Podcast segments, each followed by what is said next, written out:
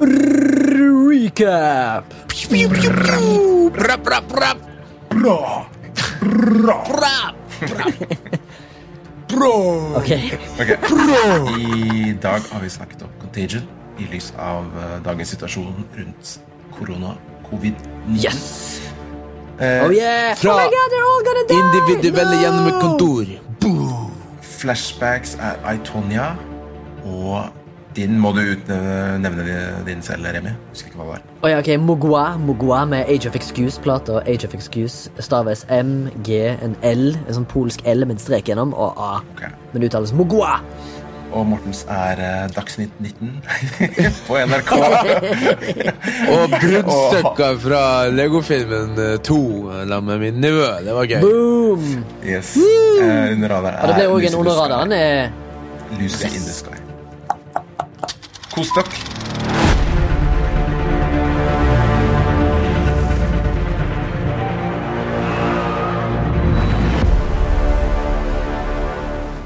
Skal vi da ønske velkommen til Flashback, en podkast om film og sånt. Yay. Mitt navn er eh, Baba. Fra Oslo, Og jeg er fra Oslo, selvfølgelig. Og i dag sitter vi, i hvert fall jeg, i hjemmekarantene. Ute på Holmlia. Sitter i eh, Ikke akkurat i Eller det er Remi her, fra Haugesund. Sitter på Majorstua.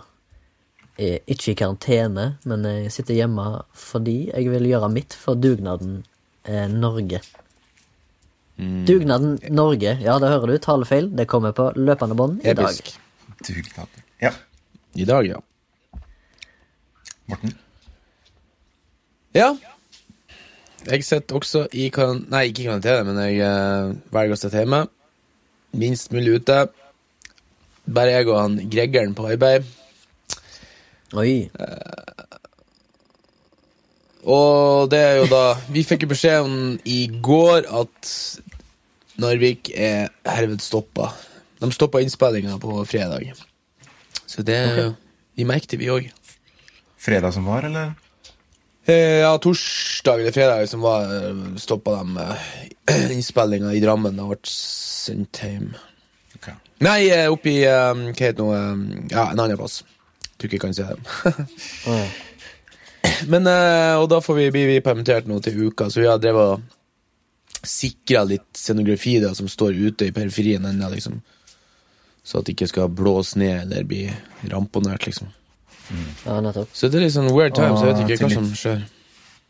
Så info til lytterne, så sitter vi nå på hver vår eh, maskin, så kan det hende at kvaliteten på lyden ikke er eh, optimal i dag, men det gjør vi da på grunn av Show must go on, som vi sier i showbiz.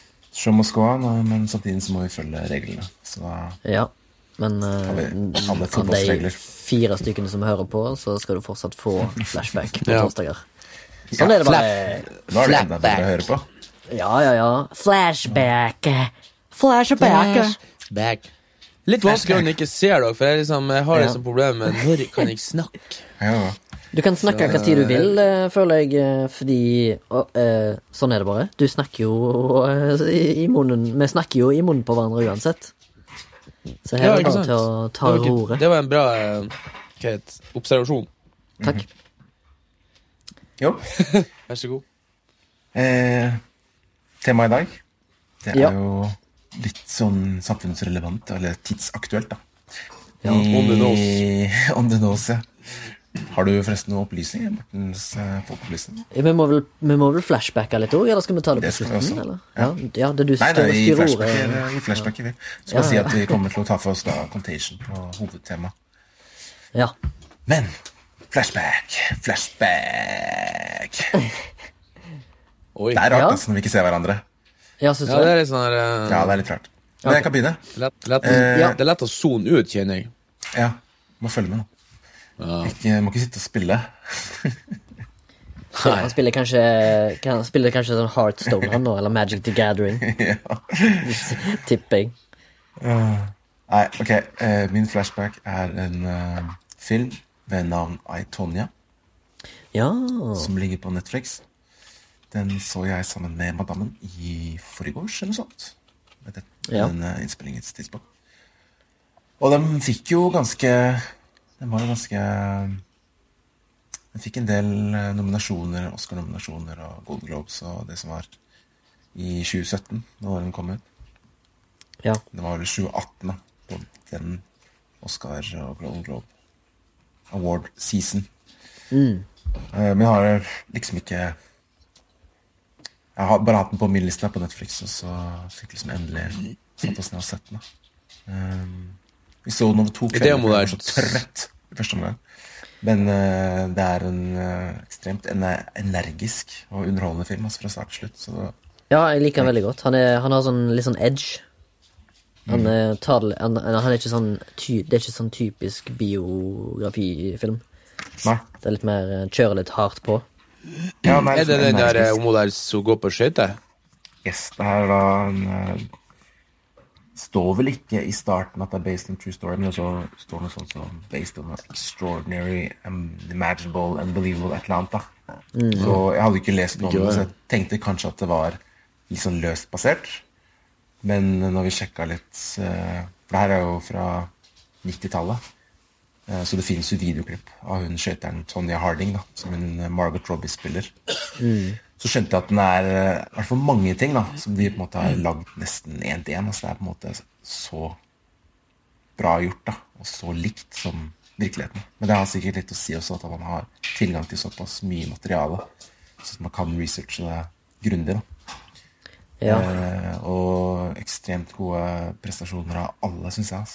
Både Margaret Robbie, som spiller Tonja, Sebastian Stan, som spiller eh, mannen Jeff, og moren, som har hatt Oscar, hvis jeg ikke tar feil, av eh, Skal vi se Alison Janney. Eh, så er jeg litt sånn nysgjerrig på hva budsjettet er. 11 millioner dollar, da. det er jo ingenting i forhold til kvaliteten på filmen. For jeg syns måten de hadde filma eh, is Altså når hun kunstløpende, da. Mm. For det er jo selvfølgelig ikke Margaret Robbie som står eh, og skøyter. Men de har på en måte CGI-en, da. Den var så godt, visuelle effekten var så godt laga. Så jeg liksom hadde ikke Ja, men det der å sette et ansikt på en annen person, det er jo det enkleste CGI-en de gjør nå. Det er jo sånn her uh, Ja, men hvis du ser på de, altså den filminga og hastigheten når hun spinner rundt, og hvordan kameraet følger etter Ja, men sånn. det er jo en ekte en. Ja, jeg vet det, men at du Det jo en samtidig som- får festa hennes ansikt over, da. For du ser det ganske tydelig noen ganger, og det er sånn Faen, det er jo Det ser ut som henne, men det er jo ikke henne. Jeg vil bare si at det var veldig godt gjort. Ja. Ja, det skulle jeg klart. godt. Nei, men den da må du se, Morten. Uh, Sammenligna litt med Ja. Den Sonja, er på, norske. Den er vel på Netflix, eh, for de som ønsker å se den. Så underholdende film. All right. Jeg kan uh, gå, jeg. Uh, jeg har uh, nok en gang dratt meg inn i musikkens verden og hørt på ei plate av et polskt black metal-band som heter Mogwa. Jeg vet ikke om jeg har snakket om det før. Har du det? Nei. Mm, ikke så Ikke som jeg vet. Nei, men Mogwa, eller MGLA, da, som det staves, eh, betyr tåke. Eller tåka. Og det er det for øvrig et norsk band som heter òg. Eh, men uansett, jeg skal iallfall frem til ei plate som de kom ut med i slutten av 2019, som heter Age of Excuse. Som eh, jeg har da hørt på og kjøpt på deres bandcamp, for det er sånn hovedsakelig der jeg får tak i den musikken jeg har lyst til å støtte. Jeg eh, driver ikke med sånn streaming på Spotify og sånn, jeg kjøper heller den musikken jeg hører på. Eh, så derfor har jeg kjøpt den plata, og den har jeg hørt på to-tre ganger nå, og den er dritbra. Hvis du liker atmosfærisk, litt sånn nytenkende, nihilistisk black metal, liksom, som, han, som er veldig sånn Hele plata er bare en kritikk til det moderne mennesket. Jeg bare digger det som faen. Eh, Denne gangen da Baba, så har jeg lest gjennom tekstene. Ok. Og det er jo heavy, bare for at jeg vet at du kommer til å sikkert spørre, eller du lurte jo siste gang jeg eh, snakket om et black metal-band. Ja, ja. Så denne gangen har jeg lest tekster, og da har jeg jo da funnet ut at eh, det er jo bare pur menneskekritikk på alle plan, og nihilisme over hele grensa, og det er ganske gøy. Eh, mye gode poenger i eh, poetisk form, da, fordi jeg føler liksom Det er på engelsk, de men Synger på engelsk, ja. Synger på engelsk, ja. Men eh, det er jo polske gutter, boys. Eh, I tillegg så er de ekstremt gode musikere, sånn rent teknisk. Eh, Jeg tror de bare er tre stykker i bandet, hvis jeg ikke tar helt feil. Eh, Jeg hørte at de er litt kjedelige live, eh, fordi at de står bare i ro, men eh, det er sikkert fordi musikken er ganske teknisk. Eh, men Mogwa, eller MGLA, er en sånn L med en sånn strek gjennom, eh, som da uttales OA, tydeligvis, eller O. Eh, Altså, med plata Age of Excuse er det min flashback. Polsk er vanskelig språk. Jeg har Ja. prøvd litt, litt på det, men ja, du har jo en polsk kollega som heter Grzegorz. Ja. Så vi har litt Håper sånn eh, Vi har litt norsk og litt polsk eh, studie, noe smått. Ja. Swing both ways. Oh yes. ja. Har du noe Morten, du kan jo bare gå rett over til flashback, og så kan du ta folkeopplysning da, rett etterpå. Boom! Så har du faen meg ordet i ti minutter her. Ja, altså eh, I dag er jeg eh, I dag har jeg, jeg, har sett stykkevis av uh, Lego-filmen 2 i lag med nevøen min på norsk. Og det lille jeg så jeg syntes var gøy, så den har jeg liksom lagt det på uh, tanken at jeg må Eller på minnet at jeg må se den. Det er litt sånn eh, De forteller det her som liksom Pixar forteller at det er sånn uh, humor som både kan liksom være gøy for uh, en, en, håper jeg, en treåring og en 30-åring. 40-åring. eh, ellers har jeg ikke å sett så mye si Hva? Var det så gøy? Nei Kvinnelig det- fnis. Nei, eller sånn jentete fnis. Så morsomt. Ok. Nei, eh, ellers har jeg ikke røkka så Jeg har mest konsumert eh, Dagsrevyen, for å si det sånn, for å oppdatere meg på virus. viruset. Og, eh, og jeg har funnet ut noe som jeg sa med dere eh, av uh, serveren her, at jeg er jo pinadø Jeg er prepper. Ja, Jeg det, det er det. hadde jo Jeg har altså så mye greier i alle skapene. Jeg åpner skapet, ramler det ut. Og jeg har jo lommelykte og, og, og gassmaske og lydopptaket. Det skal jeg faen ikke stå på at jeg ikke har liggende. Eh, nå Har jeg også da, også da ris og sukker. For jeg har kjøpt inn sånne ting som kan stå i sånn. Men jeg er ikke hoarder. Jeg er en prepper. Altså, jeg Ja. kan uh, ta vare på meg sjøl i ei uke, det, eller to, hvis jeg skulle stå om det. ikke sant?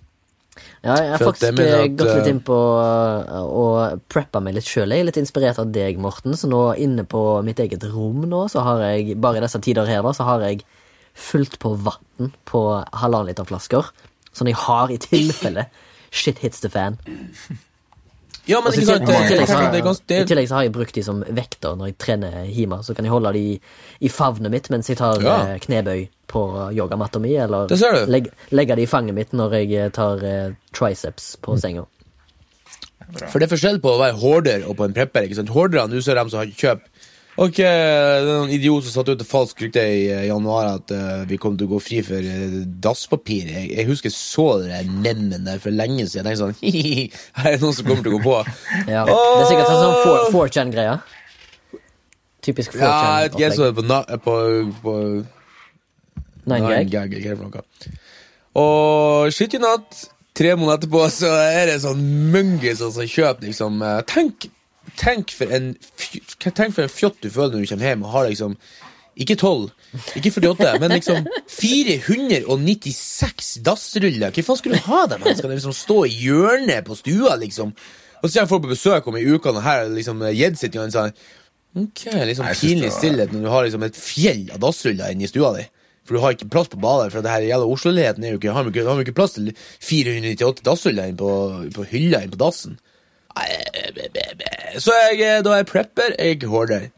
Så jeg, jeg tenker sånn at eh, det er litt naivt å sitte hjemme og tenke sånn Nei, da liksom staten ta seg av det her, jeg eh, skal ikke gjøre en dritt. Ja. Så jeg liksom gjør det som du snakka om i starten her, Remi, at jeg tar liksom den her dugnaden da i å den, så den giffen jeg sendte på felleschatten med hva som skjer hvis vi holder oss litt i ro. Liksom, da, rekker ikke viruset å smitte alle liksom, før det begynner å Ja, da får du en sånn, det som kalles for flattening the curve. Fordi at jeg har jo selvfølgelig Ja. hørt på Sam Harris sin podkast om eh, der han intervjuer to eh, eksperter. Den ene er smittsom sykdom-ekspert, og den andre er vel en forsker, eh, lege eller whatever. På to episoder på Sam Harris sin podkast, som jeg anbefaler lytterne eh, å høre på. Og der sier han jo Mm. at eh, det jo Det vil jo hjelpe ekstremt mye på håndteringen av krisen hvis vi flatter the curve.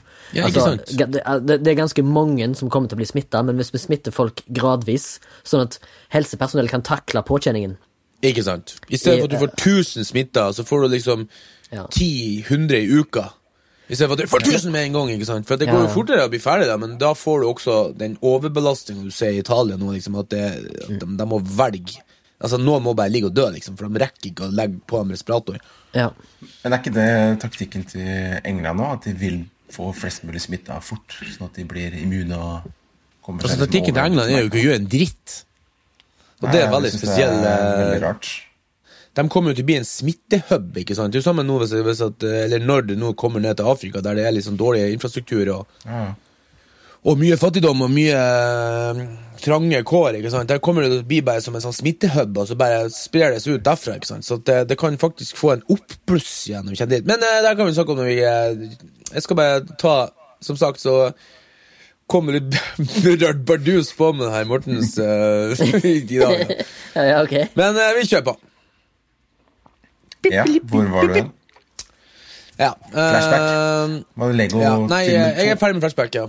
Ok. Jeg har ikke sett den dit. Jeg har bare kon- jeg har sittet liksom og svetta litt hjemme, faktisk. Ikke at jeg har vært nervøs, men jeg, føler at jeg er litt sånn i, i Defcon 3, kanskje, kroppen.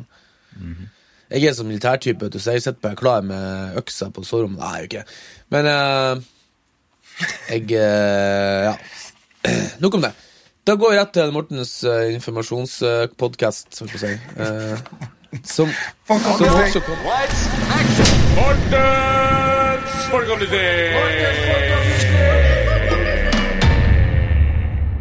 Derfor så har jeg bare to sånne sitat som jeg eh, i dag Kort og greit.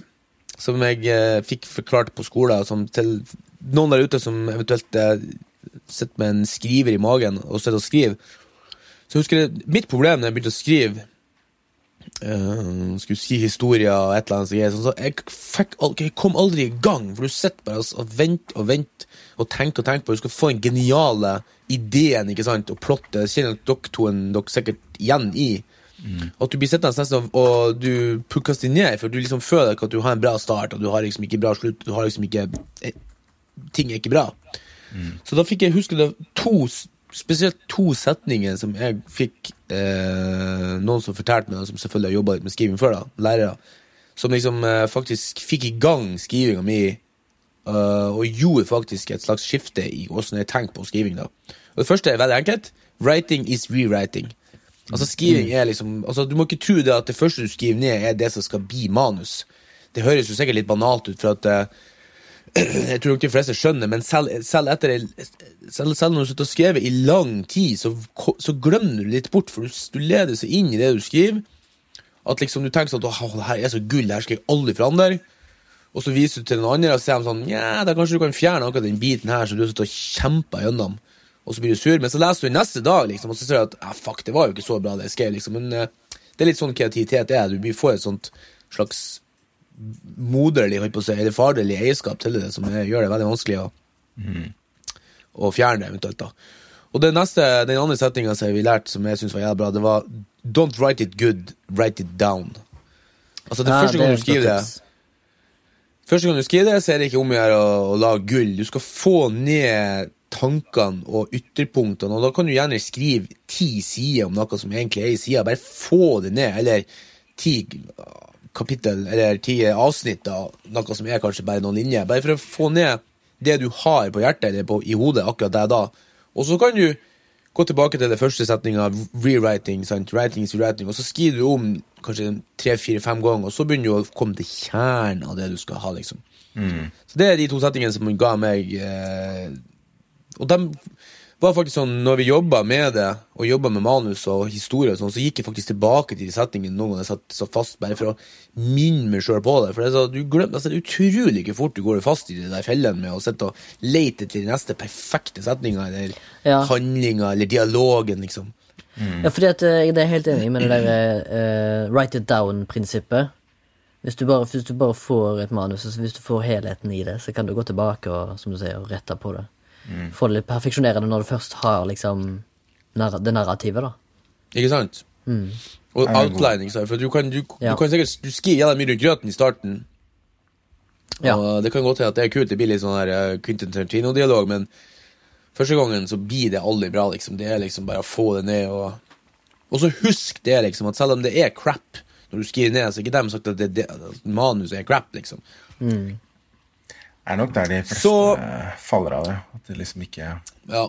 klar, De klarer ikke å henge med lenge nok. I hvert fall kjenner, kjenner det da. Du må jo, selv om du skriver det en gang, så må du ha mot, disiplin og alt da, til å komme tilbake til det igjen og igjen og igjen. og igjen Selv om det er crap som stirrer deg i ansiktet, liksom. Så skal du jobbe med den dritten før det blir noe bra. Så det er det som er å, å tråkke den dritten da, så lenge.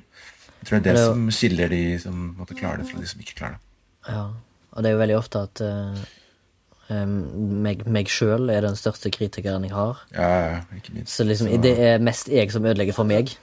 Du Jeg tror og mange tenker har det faen, sånn. det er Jeg så tror fleste har det sånn at uh, Ja. Sitt- du bare Ja, du tenker ja, det er så dårlig, og så begynner du å tenke nei, jeg er ikke noe flink, og så er det liksom nei, det her er ikke meg, jeg kommer aldri til å greie det, og så, og så er du ferdig, da.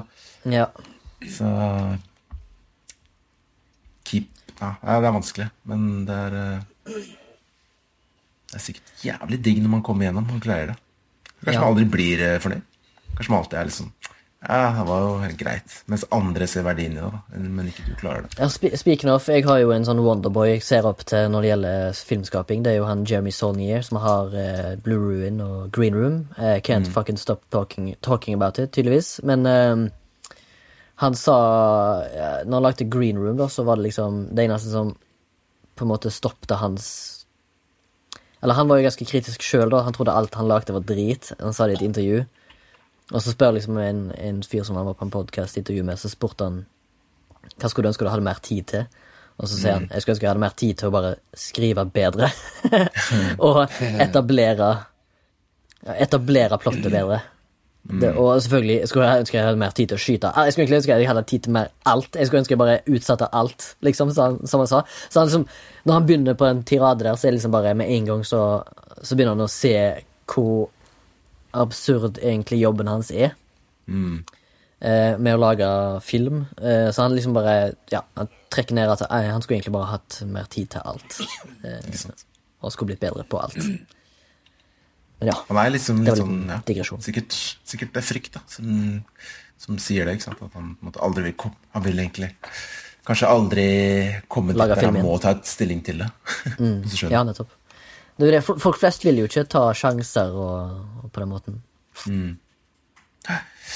True. Ja, jo, men noen gjør jo det, og da får vi jo sånn Wes Anderson-folk da, og Kubik-folk som er av en eller annen grunn har eh, masse sånn sjøltillit, tenker jeg, og får ikke bare lov, men de bestemte seg for at jeg skal gjøre det sånn. Sammen med han, eh, han russiske, han uh, Mm. Fortsatt, Eller, eh, eh, liksom- eller bare gjøre sånn som eh, Steven Spielberg gjorde når han gjorde Jaws i en alder av hva var det, han var 25 år. Han bare Ja. lata som han hadde peiling på hva han holdt på med, på sett. Mens inni, inni, inni seg sjøl var han livredd. Han var en livredd liten drittunge, liksom. Som helst hadde bare lyst til å gå og gjemme seg. Men han Det er helt sjukt, altså. Jeg kunne aldri ha gjort det. Jeg er sånn, jeg, er sånn, jeg har sånn prestasjonsangst, så jeg tør faen ikke å gjøre noe, selv om jeg vet jeg kan det. Ja, men hvor mange, det- tror du, hvor mange skjebner som ikke hadde likt utfall som Steven Spielberg, da, i samme år, sikkert, som Jo faktisk sikkert dreit seg ut? Han hadde jo egentlig bare mange. flaks. Han hadde masse hell i uhell og sånn. Som for Mm. eksempel de lange, lange tagningene som han ble kjent for i den filmen, var jo sånne beslutninger som ble tatt eh, der og da, og det var jo ikke planlagt, eller sånn i over lengre tid, og det med at eh, haien ikke vistes så mye, ble jo òg et hell i et uhell, for det ble jo liksom eh, Ja, monsteret under. Less is liksom. more. Ja, monsteret mm. monster, det, det samme òg på. Alien. De får jo så mye skudd for at de ikke viser Altså Alien igjen, da. Ja. han der, eh, Ridley Scott at, de, at du ikke viser Alien. Jeg bruker mest som om i sammen med dere er jo det som jeg liker at du ikke ser monster, for da la du et verre monster i hodet. Mm. Men det var akkurat samme der. De prøvde jo med en fyr i drakt, men det så jo nesten bare komisk ut, så de bare kutta han helt bort. ja.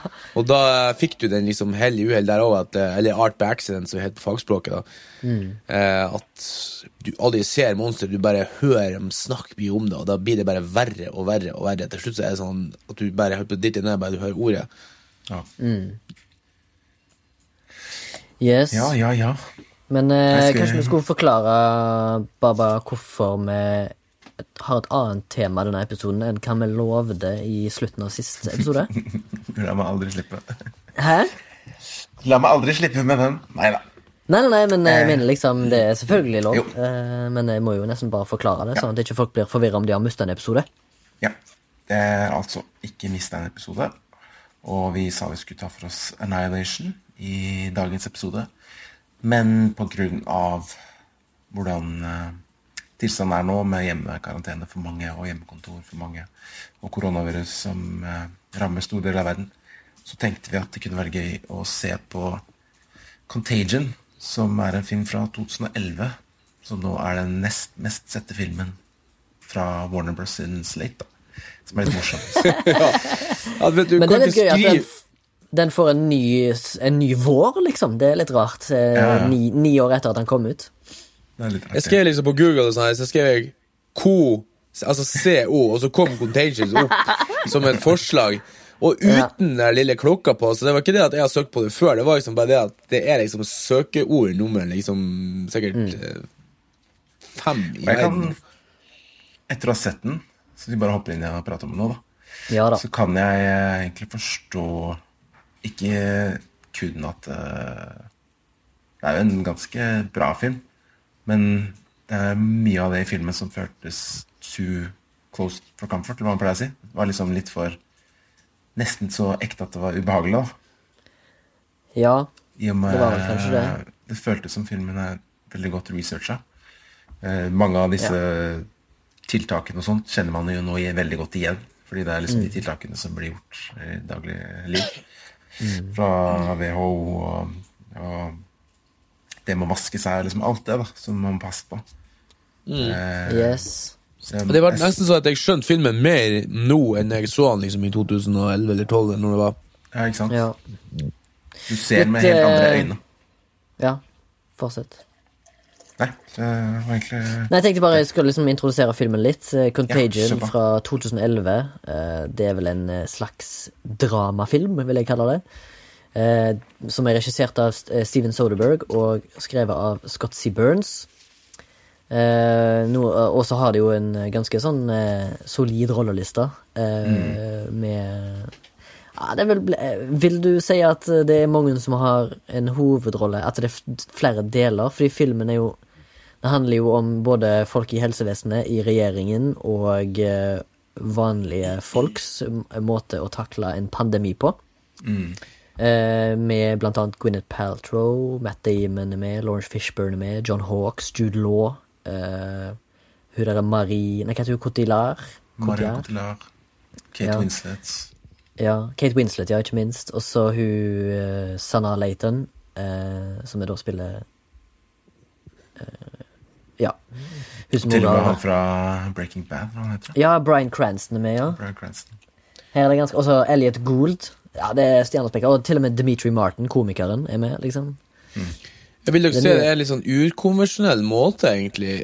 Sånn oppbygning i og med at du jeg, Ja, det, det er liksom som om jeg- det er en filmatisert dokumentar, på en måte. Ja, ikke sant? Litt sånn som den Mars-dokumentaren som ligger på Eller filmdokumentaren som ligger på Netflix nå, der liksom de, de, in, de har intervju, men det er liksom en fiksjon. Veldig merkelig sånn her format, egentlig. Hvilken film snakker du om? Nei, det er en som heter for eh, Mars, eller Travel to Mars, som ligger på Netflix. Den har samme liksom oppbygd Nesten. Det her er jo Jeg vil si det er Contagious, jeg hva faen helt den filmen. Han er litt mer, enda litt mer fiksjon, da, men det er liksom en Jeg føler som å si han eh, Remi, at det er en kombinasjon mellom fiksjon og dokumentar. At det er liksom sånn her jeg tror denne her er vel, eh, denne er vel basert litt på SARS-epidemien og Ja. H1N1-epidemien, som var to-tre år, to, år før denne filmen kom ut, tror jeg. Ja. Sikkert en god blanding av uh, all slags uh, epidemier de som skjedde på Eller H11, er det svineinfluensa? Jeg ikke. Jeg har ikke så mye peiling på det, men det er sikkert det. Nei. Det er, er ikke jo, bird flu? De snakker om det. Ja, de nevner Ja, det En enten eller, da. Ja. men dette her er da en sånn eh, Denne her har jo et uh, Filmen er jo selvfølgelig bygd litt på mer sånn uh, Det vil kalle for uh, sensasjonelt farlig virus, da. Men det er bygd på ekte spekulasjoner, vil jeg, vil jeg egentlig si. Ja. Fordi sånn som for eksempel den siste, den derre H1N1, hadde jo på en måte for eksempel et dødelig utfall på 0,6% eller hva faen det var, mens vanlig influensa har på 0,1 Ja, ja. Mens Stemmer, eh, denne, denne her hadde vel mer eh, oppi et tosifra antall, tror jeg. Jeg mellom 7 Det var vel to. Ja. Som er ganske var, mye. ja, som er ganske mye, og liksom det, det vi ser på i dag, med, med eller den covid-19, er vel, har vel egentlig òg eh, sånn seks ganger mer dødelighet, tror de, da, men det er vel litt for tidlig å si. Eh, Iallfall ifølge han smitteeksperten på eh, Sam Harrison podcast, sa iallfall at det er ca. seks ganger mer dødelig enn vanlig influensa. Mm. denne her, da. Men, men relativt eh, super smittsom i forhold til mange av de andre pandemiene vi har hatt de seneste årene. Ja, for det vi snakka litt om kanskje sist gang, forrige podkast, liksom, når jeg sa det Jeg sa det sjøl at liksom, det er 4000 som døde av, av det her eh, covid, og så er liksom 90 000 fra influensa. Men det som er fakta, er at influensa var jo allerede i full bloom når vi runda nyttår, ikke sant? Ja. Eh, covid er jo på tur opp nå. Så jeg tror nok det er noe de treffer liksom Afrika og India og sånn her, og der, der de har de bor tettere og har mindre infrastruktur og er, har litt større problemer med likeens USA, da. Ja. Der det er liksom eh, Alt du må liksom betale for helsetjenesten, basically. Og kanskje i land der du ikke har helsetjeneste, så tror jeg nok vi får en slags topp At vi har ikke noen toppen, tenker jeg. altså Nei, langt ifra. Det er så. Men eh, det som er litt interessant, da, hvis vi skal snakke om filmen som filmen Contagion, så er jo eh, litt paralleller til virkeligheten, er jo blant annet at det blir eh, assosiert eh, med det som har skjedd Eller det som de tror har skjedd med det covid-viruset vi har nå, er at eh, flaggermuser var liksom, liksom grunnen, da. Mm. Som de jo eh, viser litt på Nå skal vi jo ikke akkurat gå rett til slutten her, men eh, på slutten så viser de en liten montasje om hvordan dette viruset havna da i da Patient Zero og Gwyneth Paltrow sin eh, karakter. Ja. Og det går jo også gjennom et sånt uh, kjøttmarked, eller sånt Hva kaller de det? Uh, fish, ikke fish market, men Ja, ja det blir vel et kjøttmarked. meat market, ja. Eh, som også kjøttmarked. Også kalt kjøttmarked.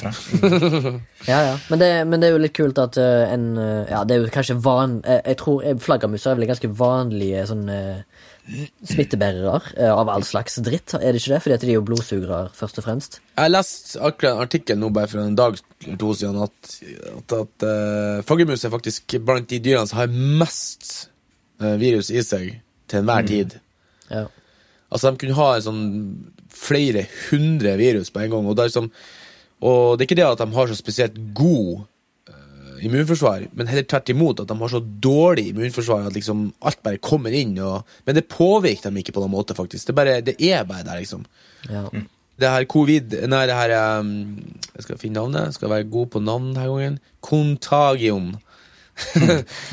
så uh, Så ser de jo det at det, har liksom, at det er liksom eh, en slags blanding av svin og flaggermus. Og det er, det er sist, jeg har sett at de vurderer om ikke det her er samme det her covid også, at det er en blanding av eh, flaggermus og noe annet, liksom. Ja. ja. Så det er, det er liksom skremmende likt, da. Mye av det. Ja, det er Jeg Men, så, når jeg eh, så, så den i går kveld, liksom, så tenkte jeg sånn Fy faen, det er jo eh, litt sånn creepy. Men så ble det jo plutselig fort veldig sånn USA, da, med det her at de begynner jo faen med å lute og crazy med Altså bare etter ei uke, ikke sant, så blir de jo fette gærne. Ja, og så er det ryktespredning, men de har jo gjeld- tok på kornet det med liksom fake news-aktige nyhetskilder og sånn, da. Med han Jude. Jude Law sin karakter, Ja. som eh, inntar viruset for å få kliks, men så er det egentlig juks og fanteri, hele greia, og han ble vel egentlig arrestert for svindel. Ja. Eh, fordi, synes jeg er litt sånn men, han, at, eh, men, men beskjeden hans er fortsatt genuin, da. ja. ja. Men, han, eh, men han gjør det for eh, å benefitte av seg sjøl. Det er ikke sant, det syns jeg- er litt kult. ikke sant? For selv Ja. fake news-folkene er ute etter penger. ikke sant? Det er jo ingen Ja, som er ja. så uh, heldig, liksom. Eller Jo, ja. Nei, nei, men allikevel så vil han jo Han vil jo uh, Det han, hans uh, på en måte mål er jo egentlig å avsløre at eh, ting blir holdt tilbake, og han får jo på en måte rett eh, da via feilene som eh, Lawrence Fishburne sin karakter gjør, ja. med å prioritere sine egne framfor eh, Framfor eh, å ikke gi beskjed i tide, da, eller hva jeg skal kalle det.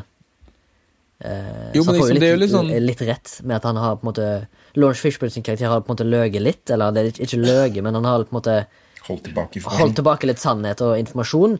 Og så, så Jude Law sin da blogger, eh, independent journalist-karakter, han får jo nuss i dette her, da. Så på en måte så har han jo jo- rett, men allikevel så er han jo fortsatt en scumbag som tjener grove penger på en eh, skandale som han da jukser til, på en måte. Mm. Og det er jo Var det ikke noen som kritiserte, eller i hvert fall mente at Kina holdt tilbake informasjon også?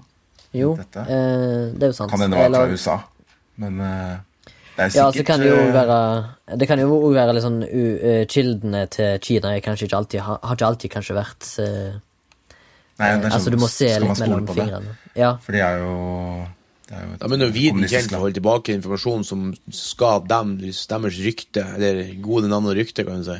Ja, for det var, jo, det var jo til og med den eh, Altså, han eh, Nå skal jeg selvfølgelig tilbake til Sam Harris podkast her, men han legen som da var gjest der, han sa eh, verden skal egentlig takke seg heldige Eller hva det heter, for at det, det oppsto i Kina igjen, fordi etter sist ganske store pandemi, da, så oppretta de et, et stort biologisk eh, forskningssenter som skulle på en måte klare å takle en ny sånn en litt bedre enn sist. Og vi kan jo egentlig prise oss lykkelige for at eh, det ikke skjedde i et mindre utvikla land, da. Eller at det, at det skjedde, ikke skjedde i et mindre utvikla land. Som ikke hadde hatt et, en fasilitet på plass som Kina hadde, da. Ja. Jo, jo. Eh, men, men allikevel, det er jo, eh, det er Men jo masse for å være feil litt, i alle ledd. eh, overalt, Politisk ukorrekt, i- så er det jo ikke så mange andre land som et rå flaggermus, da. Nei, det er sant. De har jo nå eh, forslag som sanksjoner mot å legge på Kina at de må slutte å ete så mye sånne merkelige greier som kryper inn i skogen. For at det er liksom eh, Men de må jo mette en god del mennesker, da. Jo, men de kan jo for faen koke det! Det Koke det litt i, i, i suppa før du liksom Du må jo ikke gnage i deg en sånn flaggermushjerne for at det skal være så eksklusivt. liksom. Nei.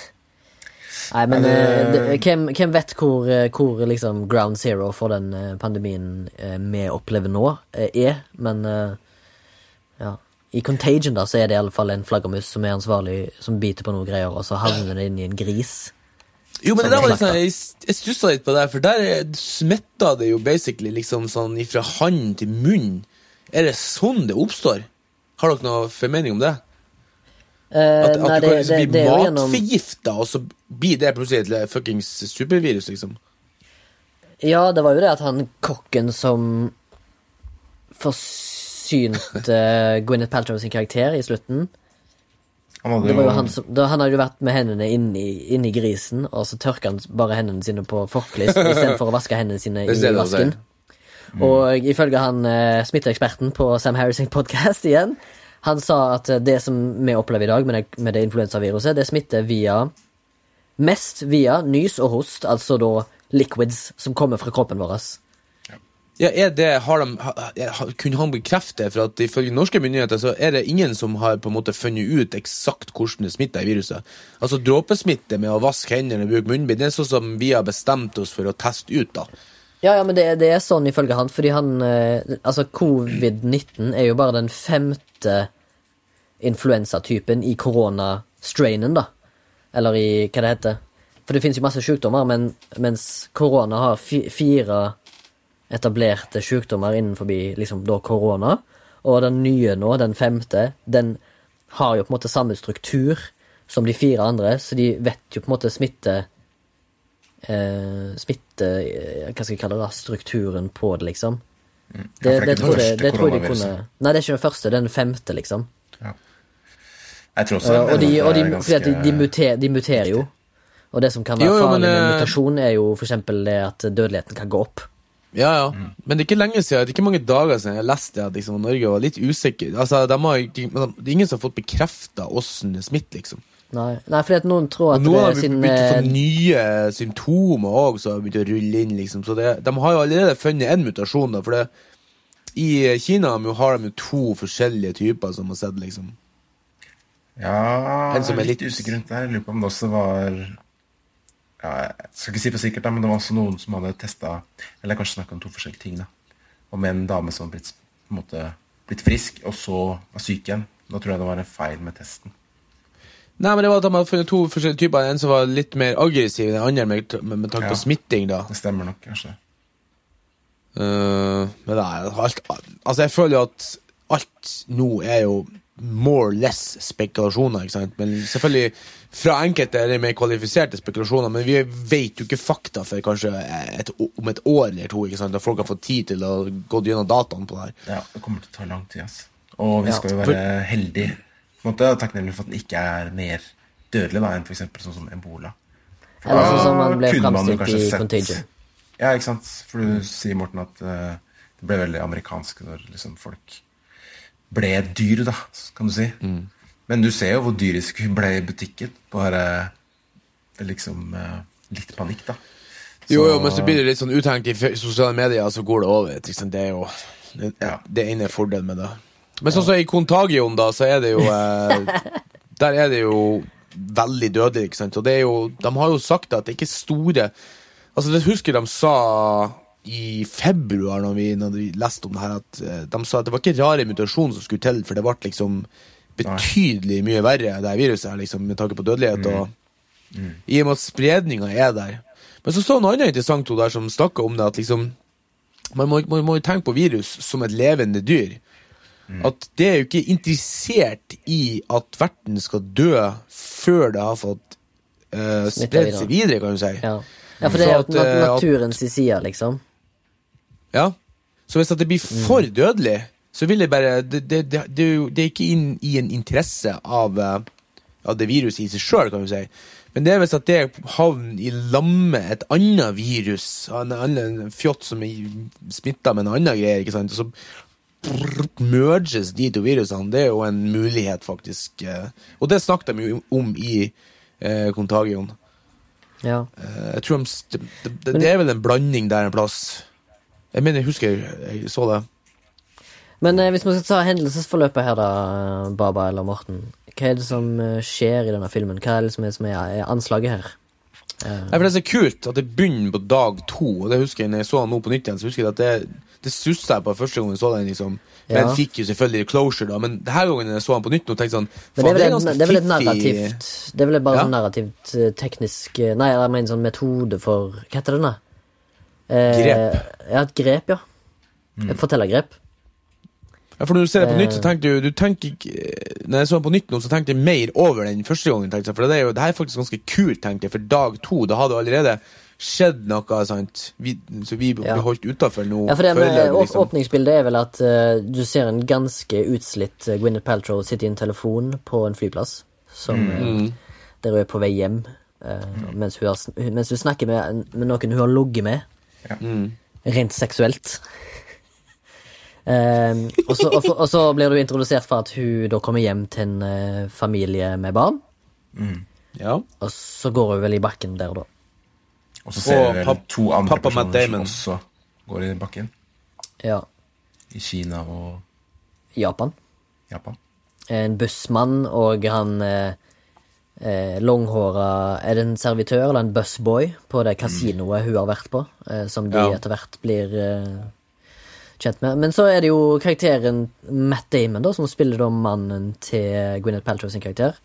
Altså da eh, eh, Mitch, som han heter. Eh, som eh, får merke dødelighetens utfall ganske tett på kroppen idet hans daværende kone, Gwyneth, eller Beth, som hun heter, dør av, av den sykdommen som hun har fått. I tillegg så dør hans stesønn. ja. Ja. Eh, av, fordi at han har da blitt smitta. Men det viser seg da at Mitch er immun mot dette viruset. Og så alt han har igjen, da, er hans egen datter. Og det er vel Er, ikke det biologisk datter, som er fra et annet forhold? forhold? Ja, Jo, jeg forsto det sånn. Forsto det sånn. Og du blir interessert til hans Altså, det er litt kult. Det er vel kanskje min favoritt-storyline, er vel eh, de eh, på en måte gutta på gulvet, hvis du kan kalle det det. Eh, Den vanlige mannen i gata. Ja. Tenk på Mitch og dattera. Ja, Mitch og, og datter, og det var vel egentlig den storylinen jeg ville ha mest av. Fordi det andre technobabble, fucking scientific talket, det interesserte meg egentlig ikke så jævla mye. Nå har jo, som sagt, jeg, jeg på lik linje med Morten sett filmen før, men jeg så den jo da den kom ut. Og se den igjen i lys av dagens uh, situasjon eh, var jo en Ja, Ja. jeg vil kalle, kalle det skremmende, som dere sa. Litt creepy. Jeg tror det interesserte meg mer nå, det tekniske, enn hvis jeg hadde sett den for ni år siden. Da. Mm. Fordi nå, er det, nå følger jeg ekstra godt med. Da. Og Ja. kjenner igjen begrep og regler og sånne ting. Mm. Men, Jeg, for- eh, for men meg- man, man relaterer seg kanskje mest til han Mitch. Ja. Men eh, hvis, vi, hvis vi kan snakke om, eller dere kan snakke om Kate Winslet og eh, Lawrence Fishburne sine karakterer, da. Eh, hva er det de går igjennom?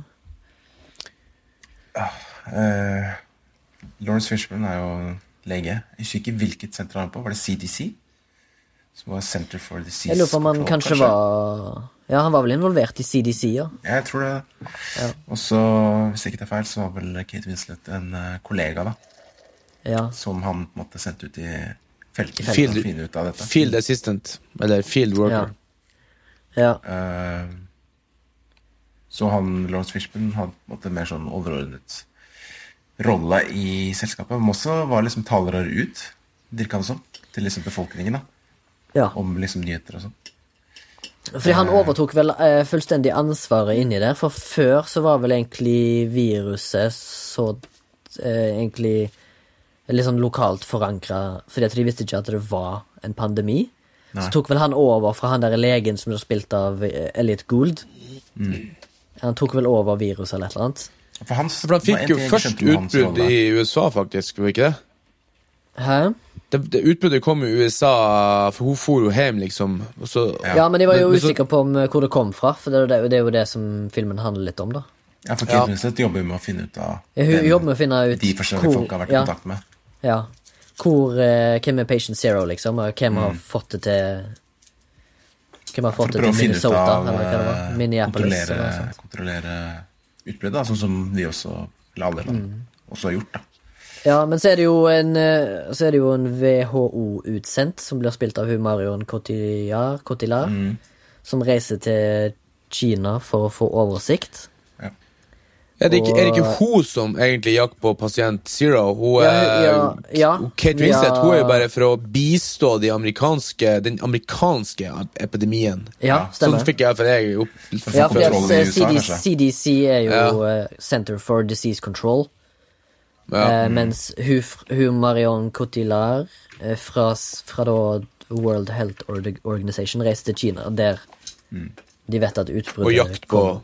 Men hun ender jo opp i en kidnappingssituasjon eh, basert på da frykt og paranoia jeg- fra en uh, kinesisk uh, enklave, kan jeg kalle det det? En Mm. liten sånn uh, Et lite sånn community ut forbi Hongkong, eller Macau. Syns du om den storyline? Den var lite det, det, det var så lite. Mm. Skjønner du? Men det virker jo som om det er en liten sånn storyline der med at hun ble kidnappa.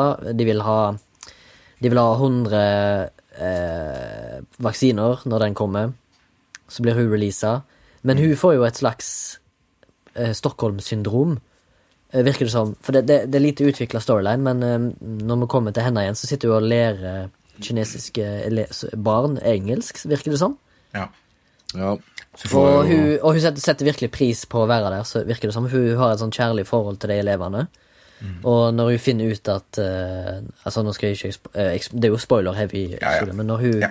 når hun da uh, får levert Når hun blir utlevert, har du si, eller hva det heter Når den dealen med vaksinen og hun blir tatt tilbake, så finner de ut at alle vaksinene var placebo. Placebo. Eller hun finner ut av det. Ja, hun finner ut av det når hun, Ja. sjøl får sin vaksine Ja. Av kollegaen sin. Så da velger hun å dra tilbake, ja. Men det, det, blir, det slutter jo bare der. ja. Det slutter bare med at hun drar ut. Men du, jeg forstår jo hva hun vil. Mm. Fordi hun har blitt knytta til det samfunnet hun ble vært kidnappa i, da. ja. Som er sånn- og det, det var- sånn, det er jo altså, litt enklere enn Ja. Det er en enkel Til sammen så er det kanskje akkurat kvarter der, med hennes storyline. Ja. Det er veldig mange storylines og veldig mange De har sikkert kutta litt Så- på den, tror jeg. altså. Den var Kanskje litt, større. kanskje litt for mye for min smak, egentlig. Kutta for eh, mye, eller? Ja, jeg syns det holdt med kanskje to eller tre, jeg. Mm.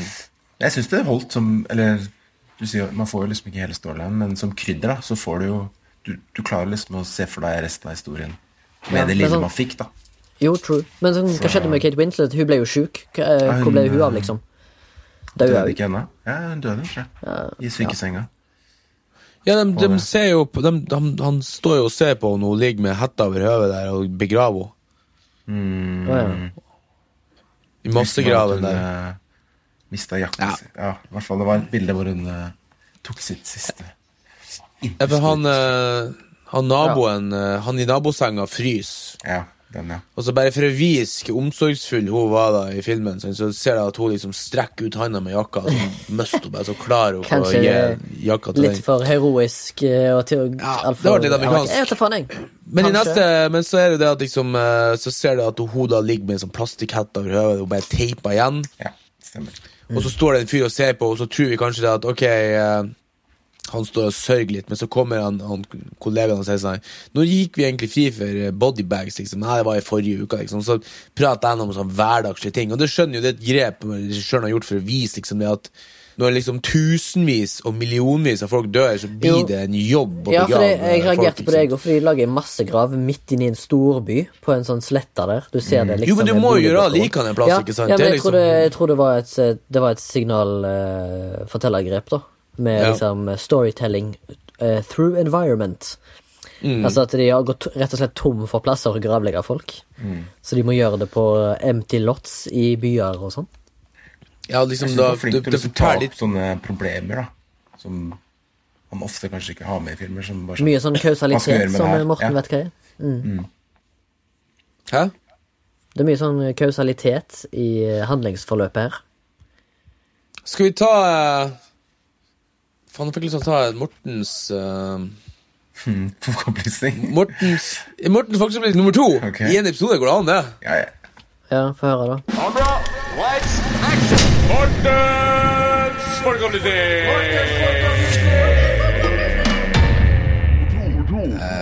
For at jeg husker at jeg hørte en sånn en podkast med han uh, Han manusforfatteren og jeg håper forresten at det kom en uh, jingle på Mortens folkeopplysning nummer to. Ja, ja. Det gjenstår å se. Eh, han som har skrevet det her Mammon her, vet dere. ja. Ja. Og der hadde han Gjermund Eriksen, er det det? Ja. Han kommer jo med en ny ja. serie nå på NRK som jeg har jobba på, eh, som heter Livstid. Den kommer muligens neste år. Kult. Og, ja, i hvert fall da. Så uh, snakka han om eh, Jeg lurer på det For jeg hører jo en del på NRK P2. Jeg lurer på om det var der han var liksom sånn her eh, Hadde sånn her minutt. De bruker å ha en sånn her De snakker med litt folk Bare sånn kort. Og så er det sånn eh, Nesten litt sånn som Morten Folk, Mortens folkeopplysning Der de liksom snakker om ting da Som de har informere om. Og der snakket han om negativ space eh, I manuskriving At det var veldig viktig eh, Å lære seg å beherske Men du må fortelle hva det er, for jeg vet Eh, ikke jeg hva er engang. Ja, det er det jeg nå jeg, eh, Ja, er derfor jeg har med Mortens sorry. folkeopplysning. Eh, eh, og hva dere- hva hvis dere skulle tippe negativ space, hva tror du det er for noe? Negativ space. Alt det man ikke snakker om, kanskje. Alt det man ikke ser? Veldig bra, faktisk. Det er faktisk ikke så langt unna det som faktisk er. Altså. Men altså, negativ space er du, det det du ikke ser. Og det du ikke For at, ikke sant øh, Når du har liksom sånn tidshopp, ikke sant Men er det, er det Eh, fordi at du ikke tid. skal undervurdere publikum? Er det derfor? Eller er det kun et uh, fortellergrep? Eller er det et, liksom et nedbrekksbasert uh, strategi, liksom, for filmingen? Altså at det kan være ting som ikke lar seg filme? Eller? Nei, men altså, du kan Det, det, det trenger du ikke trenger å filme, ikke sant? For å spare tid, for å spare penger, så kan du liksom få mye gjort i negativ space. For eksempel når man begravlegger folk midt i en park i byen, så vil du på en måte med negativ space fortelle det at de har brukt opp alle gravplassene. Og alle planene og alle åkrene. ikke sant? Og nå må man faktisk begynne å begravlegge folk inne i eh, Central Park. ikke sant? Hadde for eksempel brukt Central Park, så hadde du fortalt så sinnssykt mye i det såkalte negative space. Da. Det er liksom Ja. det du ikke viser, på en måte. Ja, ja. Men hvis, hvis han, eh, de folkene som hadde den massegraven inni den byen som de viste Hvis de står og diskuterer De står jo og diskuterer Vi har gått tom for eh, Eller hvor lang tid siden vi gikk på tom for likposer? Ja, for to uker siden. Hvis de hadde sagt eh, i en bisetning for eksempel sånn der Ja, nei, eh, Central Park er jo full, så nå er vi i Bronx, liksom. Tror du det hadde blitt Er det en negativ space? Jo, det, det- det- det er jo negativ space, det exposition. Men Ja, men det kanskje dårlig litt mer exposition. da. ikke sant? Ja. Hvis du, hvis du klarer å vise hva som har skjedd i Negative Space eh, For han snakker jo om det i podkasten nå. eh, Nå tok jeg det her bare som litt sånn spontant. altså Jeg husker ikke akkurat hva han sa, men han sa at det er faktisk et område som som mange eh, fordelaktig kan liksom trene litt på å, utnytte. Altså negativ space, ikke sant? For du kan liksom fortelle så mye med så lite med at når du kommer tilbake igjen, for eksempel, at ifra, hvis du, følger en, en karakterbue, sant, og så kommer du tilbake til en annen karakterbue, så har det skjedd ting, så kan det ha skjedd ting mens du fulgte andre karakterbuen som du ikke trenger å vise. Du kan liksom bare eh, lekke det ut på en slags måte så det ikke blir sånn direkte exposition. Du kan fortelle med, med eksempel at noen har en gips på armen, så da, da skjønner du at det har skjedd noe. Ja, eller bare jeg jeg noen med en blå veis. Altså, liksom Du Ja, vet sant? jo liksom Ja. Altså, hvor var du i går da jeg var på puben? Sant? Så kan du anta hva som har skjedd på den puben. Ja, ikke sant? for sånn at du i ene karakterbuen sier at jeg skal fære og møte han der erkefienden min i morgen og prøve å, å skape fred, ikke sant? og så følger du en annen karakterbue, og så Mm. Ja. kommer du tilbake igjen til den karakterbue, så har han blåveis, så har du på en måte fortalt hva som har skjedd i Negative space uten å si et ord. Ja, Du har bare ja, ja, visst det, her, det med det var en herlig analogi, Morten. Det forklarte liksom fullstendig alt. Vær så god. That's uh, why we have this uh, Mortens uh, ting. Folkeopplysning uh, numero dos. Nei, det er gøy. Det er gøy. Det er Men gøy. eh, uansett, eh, hvis vi skal videre i denne filmen eh, Contagion, eller Contagion, som han Morten kaller det, Contagion. eh, så vil det jo Det må jo være en slags ark her, Baba og Morten. Og når føler dere liksom at Eller liksom hvis dere skulle fortalt tid er det liksom klimaks? Klimaks kommer. Ja. Eller det er mye, det er mye, altså det er mye bra sånn enkeltscener her. Altså Jeg syns jo filmen i sin helhet er en veldig sånn ok film. Det er kanskje ikke helt min smak, men han er ganske sånn proft laga. Men om det er en sånn klassisk struktur, det er jeg litt sånn usikker på. For jeg klarer ikke å tenke samtidig som jeg ser filmen, skjønner du? Føles ikke sånn. Ja. Det er, eh, det er så mye som skjer på en gang. Og Ja. Men hvis vi skal ta en arkstruktur, da, så er det jo han Mitch, altså Matt Damon sin karakter, som på en måte har en størst curve. Eller egentlig òg Lawrence Fishburne, som faktisk gir vekk den ene vaksinen til en som står lavere i samfunnet. Sånn rent eh, liksom- sosioøkonomisk, ja. kanskje. Føler litt at alle har jo på en måte hver sin historie her, da. Eller hver sin karakterark òg. Jo, faktisk, når jeg tenker meg om, ja. Fordi alle, alle går gjennom ganske store forandringer. liksom. spesielt Bortsett fra. Gwyneth Paltrow, da, som kanskje er Jo, men hun, vi ser jo hennes måte, historie i ettertid, da. Når vi ser på de opptakene ja. Mm. fra Marlin Cotillard i Hongkong. Så får du liksom Hun har kanskje ikke, hun forandrer kanskje ikke så mye, da, men du, du får litt innblikk i hennes liv og hennes valg. At du liksom ville ha dette, ja. denne affæren da, med gamle Flammen. Ja. Men allikevel så syns jeg liksom at det er eh, eh, altså, eh, altså det hennes på en måte story arc har jo direkte eh, impact på Mitch. liksom direkte konsekvens. Ja, ja, ja. Hvis det skal gå så langt. Du setter jo i gang alt.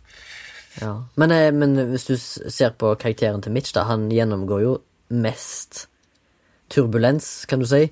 Han eh, har jo til og med problemer med å gravlegge eh, stesønn og sin egen kone av folks eh, frykt for dette viruset, da.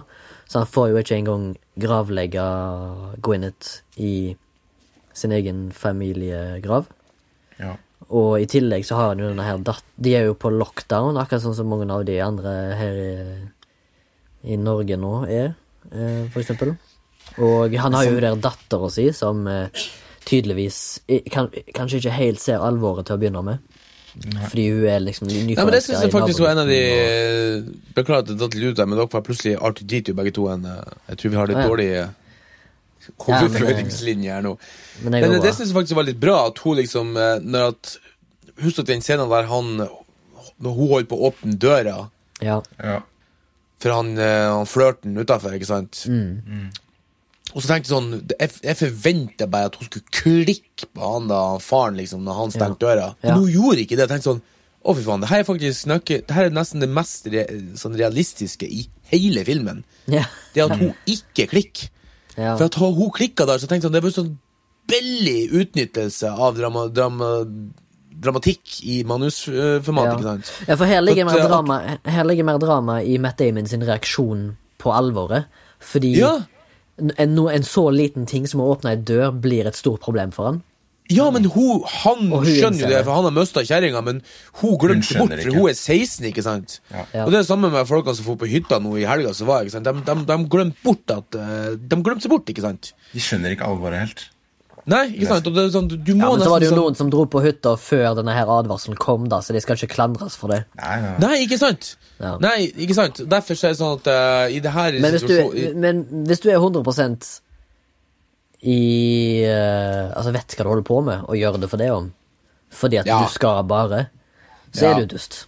Ja, men du er dust, altså. Men du, det, det er fort gjort å glemme seg bort i en sånn situasjon, for det her er en spesiell situasjon, ikke sant? Og derfor må man ha, være litt sånn raus og tenke sånn at eh, Men han ble jo livredd for at han, sant, han akkurat mista halvparten av familien sin. Mm. Og han sjøl er Og, og, så, og så reagerte hun med det at hun liksom så, Hun sto sånn og tenkte sånn Ok, nå venter jeg bare at hun skulle få en sånn teenage rage-greier, sånn som du ser Ja. i alle sånne filmer. Men hun bare Ja. sånn Ja, nei, du så på en måte at hun skjønte at hun har glemt seg bort. Jeg bare sånn Ja. Fy faen, det her er jo uh, altså, Da følte jeg at han var litt realistisk, i filmen. Ja. Enig. Til og med liksom når hun liksom er ute der og og liksom holder på liksom, og nesten kysse han, der kjæresten der, liksom, når det har gått, og da hadde det gått mange måneder, må vi komme på. Ja. Og da er det også litt fort å glemme bort at Ja, men, og, men da, da, eh, da, da smetter jo hun bare Der har du litt sånn kausalitet, fordi at eh, Matt Damon går over til naboen, som blir tydeligvis rana. Ja. Eh, og du hører gunshots, og han bryter seg inn for å se hva som skjer. Oh, da synes jeg det var kanskje- skikkelig Det var det skumleste hele filmen. Ja, Det er ganske creepy, ass, at det er jo sånn eh, Hva skal jeg kalle det? Det, jo, det kan jo skje, liksom. At det plutselig blir Ja, ja. matmangel, og eh, Eller det er jo en ting som er liksom realistisk. At folk eh, er ikke ute etter verdier lenger, de er ute etter mat og overleve. Det, er jo, eh, det er jo det som er liksom steget før det blir kannibalisme, liksom. Kan du si. Det er å rane mat fra alle andre. Men eh, ja, det er jo i det øyeblikket han smetter ut for å sjekke hva som skjer med naboen, eh, det er jo da hun smetter ut for Nei. å møte nabogutten. Er det det? Jo, for han kommer jo tilbake, Ja, det- ja, han kommer jo ja, det tilbake det, så har han jo hagla i nevene.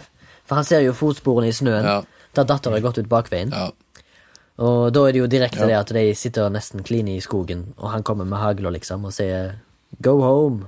Mm. Men det, det syns jeg er bra, men det er at det, det er jo med, akkurat når det har skjedd, og når du har levd med det her i månedsvis, eh, og liksom ingenting har eskalert, da. det er liksom de to situasjonene der du kan glemme det litt bort. Ja. Og Derfor syns jeg det var bra gjort, liksom, at de har gjort det sånn at Ja, ja, han er jo At, eh, standhaftig, han Matt Damon sin karakter. Han har et jævlig Han har et mål, og han skal klare det, liksom. Ja. Og dattera òg, egentlig. Jeg syns de, de har skrevet det bra. Liksom, at ikke hun får sånn her uh, rage-gear liksom, av Når han sier hva, så hun, altså, hun hører på hva han sier, og det er jo det, er jo det 90 av kids gjør. De gjør jo det som foreldrene sier. Når det er sånn situasjon, ikke sant? når du akkurat har mista stemora di og stebroren din, så skjønner du at det her er jo seriøst, men du kan Ja. glemme det bort. Så Ja. akkurat det syns jeg var veldig bra skildra, da. Yes. Har du noe mer du, eller, Baba? Eh, øh, skal vi se tenkte på disse arkene. Nei, jeg syns liksom de fleste av disse karakterene har hver sin måte, historie, da. Og går gjennom en ganske stor forandring, de fleste av de i hvert fall. Eh, Så jeg syns det er, I lys av situasjonen så syns det er en veldig interessant film. Men samtidig så er den jo spennende, syns jeg, fra start til slutt, da. Så selv om ikke, selv om vi ikke hadde vært i den situasjonen som vi er i nå, så tror jeg at jeg hadde likt den som en film. Ja, men eh, jeg husker når jeg så han eh, i 2011, da, så syntes jeg han var sånn eh, Jeg syntes han var sånn lite Hva skal jeg si Sånn handlingsfull, da. Jeg følte det som sagt var bare en sånn dokumentarisk framstilling av hva en sånn krise kan gjøre, uten noe særlig sånn jeg, tror, jeg følte det bare hoppet fra scene til scene, da. Og jeg hadde litt følelsen av det nå òg, men nå som jeg kan litt mer enn for ni år siden, så, og, og til og med kanskje jeg har fått litt følelser tilbake, så føler jeg jo at, eh, at den, eh, den Matt Damon og datter og eh, scenene var liksom det som var filmen da, for meg. Det andre kunne jeg egentlig nesten klart meg uten. For jeg syns filmen i seg sjøl kunne holdt seg på deg, og det hadde vært en kunne vært en Ville- film med bare deg. Det ville vært The Last of Us. Det ville vært The Last of Us, eller det ville vært sånn, litt sånn eh, Hvis vi skal gå inn på noen andre filmer som har med virusutbrudd og sånt, da, så kunne det vært mer sånn uh, The Road, hvis du har sett den. Ja. Yes. Eller uh, Ja. Ja, hva andre er det, da? Du har jo denne Ing Ingmar, eh, Ingmar Bergman sin Det syvende innseglet. The Seven Seal, den handler jo om svartedøden. Eller iallfall Mm. det som har skjedd i, et, i konteksten, iallfall svartedøden på 1300-tallet. Ja. Men det gjør den kanskje litt annerledes òg, at den på en måte hopper litt fram og tilbake. Og Ja. du får jo Den følelsen av liksom at det sånn- er verdens Den er mer virkelig, ja. Den er liksom Ja. virkelighetsnær, kanskje. Så kanskje en dokumentarisk ikke er et dumt uh, ord. Sånn sett. Nei. Ja. Men for å nevne andre filmer med Outbreak, da, som jeg syns er litt, litt bedre, eller iallfall sånn som jeg husker de, så Twelve Monkeys uh, syns jeg er en Terry Gilliam-klassiker oh. som jeg uh, syns er veldig gøy, som òg baserer seg på et eh, av favoritter, pandemi altså. som starta blant dyr, eller dyr er iallfall ikke affektert, Mm. med Bruce Willis og eh, Brad Pitt, eller Bradley Pitley, som han heter. Bradley Bitley. Eh, det, var ekte, det var ekte moro. Ja, jeg hørte det var ekte humor. eh, men så har de jo eh, Bradley Out- Pitley, fy faen. Det var. Outbreak Jo, fra men, eh, 1995. Med blant annet eh, Men har du, sett den i, har du sett den i nyere tid? Outbreak? Nei, jeg har ikke det, men jeg husker når jeg okay. så den. På eh, kanskje sent 90-tallet, begynnelsen av 2000-tallet. Så syns jeg den var jævlig bra. Gøy, Ja, jeg- gøy film. Jeg òg. Men så så jeg nå liksom på Rotten Tomato, så har jo den sånn 30-40 kritikerscore. Ja, Så jeg det tenker kan sånn, hende han, hmm, det kan hende han kanskje ikke ikke ager i det hele tatt. Ja. Nei, ikke sant? Det kan være. Men, Men jeg har han er dere sett kul, eh, han Eli eh, Roth sin Cabin Fever fra 2002? Eh, Ja. Som eh, speaking of, speaking of hyttetur, det handler jo om en uh, flesh-eating virus som eh, dukker opp på en hyttetur blant sånne college uh, spring break på en hytte. Så det er en horrorfilm, da, men uh, kanskje det er det disse her uh, hyttefolkene burde fått opplevd. Den er lenge siden. altså. Hæ? Ja. Ja, den er lenge siden jeg har sett. Jeg, jeg, jeg, husker navnet og bildet, men jeg husker faen ikke ikke handlinga Altså. Nei, det er jo sånn flesh-eating bacteria som gjør folk eh, litt sånn morderiske. nasty. Men eh, jeg må bare for å Ja. se en ting som jeg syns var det beste med Eller ikke det beste, men eh, en ting som jeg digga på denne filmen. her Det var en, eh, en quote her til han Dr. Ian Sussman. Han, eh, han som er i det her nivå to Nei, nivå tre-laboratoriumet, som klarer Ja. å, å dyrke viruset i kontrollerte former, da. Ja. Han som Han hadde viruset først, på ja. Ja, han blir på et tidspunkt uh, oppsøkt av han, uh, han her, eh, bloggeren ja. som jeg ikke husker på noe, Han, Alan Crumbeed eller Jude Law, ja. og så sier han det at Så sier han sånn But I'm a writer! Og så sier han det at Blogging is not writing, it's graffiti with punctuation! Å, fy faen. Det, da holdt jeg på å flire meg i hjel, altså. For det det er det jeg føler. Og no offense til bloggerne der ute, men jeg syns det er eh, enkeltpersoner som har noe på hjertet, og det er ikke dermed sagt at det er korrekt. Han har et Det- sitat, kunne- han eh, karakteren til Lawrence Fishburne òg, som er litt sånn gøy med det der handshake-greiene. Ja, det var morsomt. Det visste jeg ikke. Men, eh, men, men er det no, er, det, er, det, er det bare noe han eh, Scott C. Burns har funnet på sjøl, eller tror du at det faktisk er rot i virkeligheten på det? Ja, det hva, var det? Scott, Det altså Scott C. Burns er han som har skrevet filmen. Så hvis jeg husker korrekt, da, så var det det at uh, Han sier til han Shake hands, ikke sant, på grunn av Ja. å passe på smitte. Kan ikke du forklare den scenen? Kan ikke du forklare jeg- den scenen, Baba? Åh, jeg husker ikke hele scenen. Eh, Nei, men han gir han jo Det er jo han guttungen til han eh, John Hawks sin karakter, han Ja. der vaktmesteren. det er vel det største skiftet hans, da, at han velger å gi sin vaksine til sønnen til han vaktmesteren istedenfor til han selv. Ja. Eh, så sier han at det å shake hands altså Visste du at dette det kom fra en vennlig måte å vise at du ikke hadde noe våpen på deg? Vise fram en tom hånd, da. Og det er litt sånn symbolsk for scenen. For mm. det, det er jo klasseskille mellom de to. Mm. Det har du rett i. Og så shaker de, da. Fordi da, da er kommer han som venn, sant? Jeg vet ikke om det er ekte, men det hadde vært veldig artig om det var det. Det virker veldig logisk. Nei, det er jo litt teit å så dekke opp akkurat det. Ja, det Jeg lurer på, går, går det an å spore det tilbake? For det finnes jo ikke menneskelig historie bortsett fra døde lik som har ligget i en myr i 10 000 år. Hva de gjorde for 10 000 år siden, eh, liksom. Jeg Hva skal med andre andrehånda, da? Ja, det, western, da. det, det var det jeg trodde han skulle si, liksom. At eh, det var det jeg faktisk trodde han skulle komme til. At liksom, ja, men du kan jo ha et våpen i den andre hånda. så at jeg faktisk tenkte på Baba, så meg og deg tenker likt. Ja. At du har en skjenk i venstre liksom. bare- Stoler ikke på folk. Ok. okay. Uh, the history of handshake dates back to the 5th century in BC in Greece. It was a symbol of peace, showing that neither, that neither person was carrying a weapon. Ja, men, eh, fra- men eh, hva er referansen, da? Er det Wikipedia, liksom? For da kan jeg skrive det, hvis jeg ønsker det. Uh, deepenglish.com. ok. Ja, jeg vet ikke om deep English er en bra kilde, men vi får ta det som det er. Det heter deep. English. Ok, her er Wikipedia, da. Uh, handshake is globally uh, widespread. Uh, Feil ord å bruke, kanskje. Nå i disse tider. Men, men fikk ikke dere litt følelsen her liksom, de har det klippinga at når du tar på ting og direkting og sånn her og Fy faen.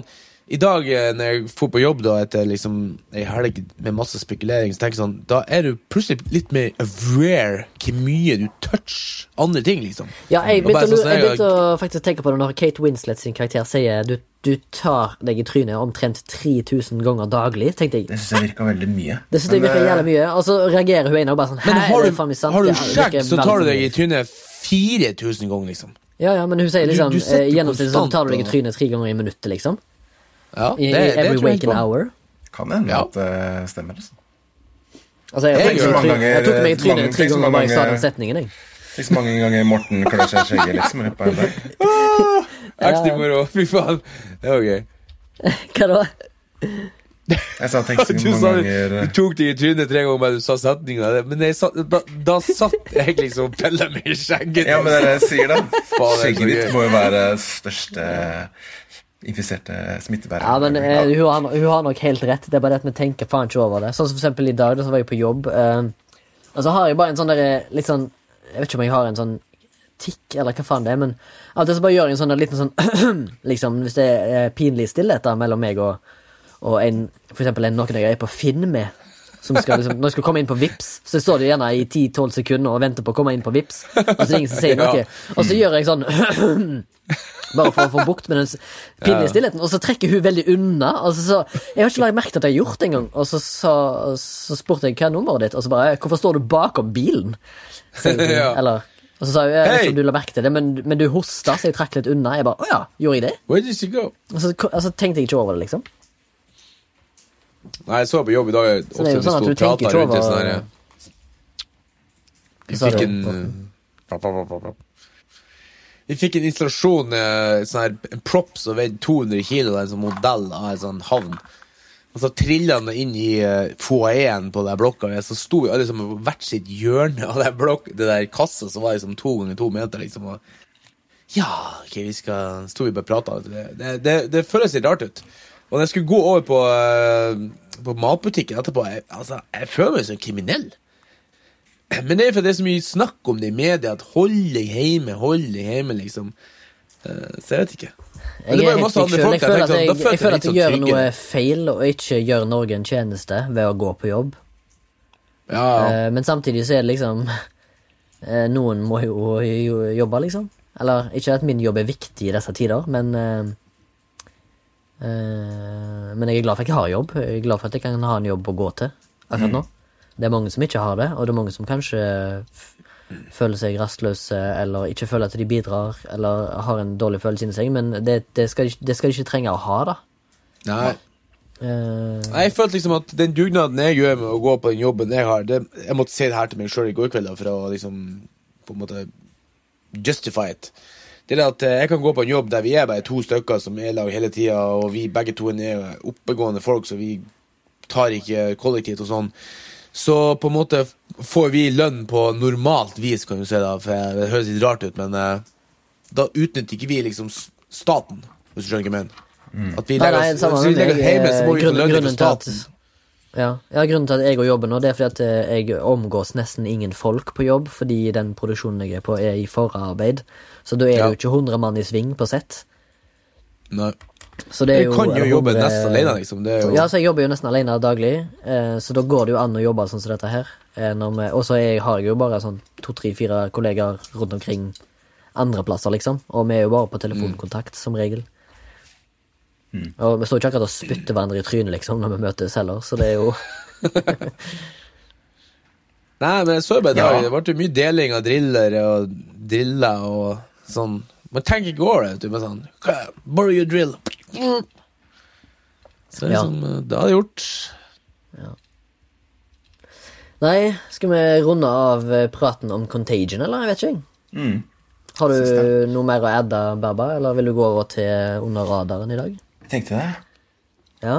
Så min min underradaren i dag er en eh, film fra 2019 med navn Lucy in the Sky.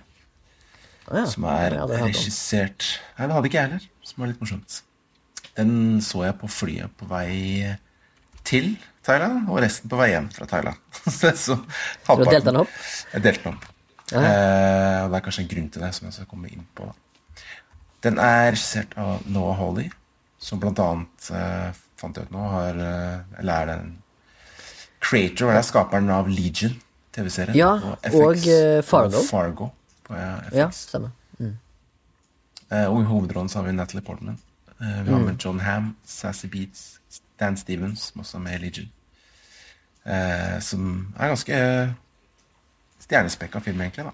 Eh, og det som er gøy, er at jeg visste jo ingenting om filmen. Jeg hadde ikke mulighet til å søke opp filmen heller, for jeg var på fly uten nett.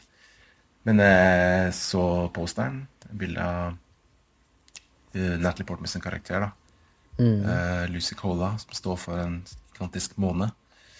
Og så så jeg traileren, som virka visuelt sterk og ganske kul. Den handler litt om rommet, og samtidig blanda med en drama. da, sånn Science fiction-drama. Ja. Tenkte ja, gi den en sjanse, da. Uh, og jeg syns egentlig den er en ganske bra film. Det som jeg ble overraskende fikk nett, er at den ligger på 36 score på metascore. Eh, Metakritikk. Og Men hva er grunnen til det, da? 4,7 votes på IMDb. Bare 2000 totale votes, altså veldig få som har sett den. Eh, 22 på uh, Rotten.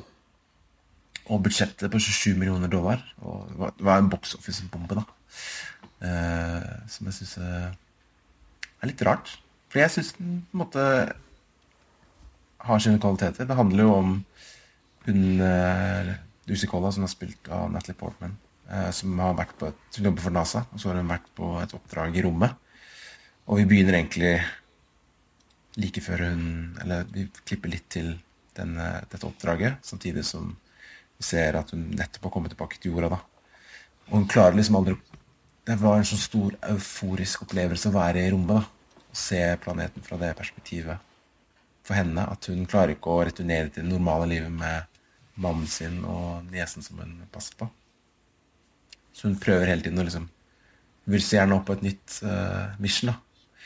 Men så nekter hun å gå i terapi, som NAS tilbyr henne, og hun driver og pusher seg selv både fysisk og mentalt for å liksom være god nok, da. For de velger jo ut uh, folk til disse forskjellige oppdragene.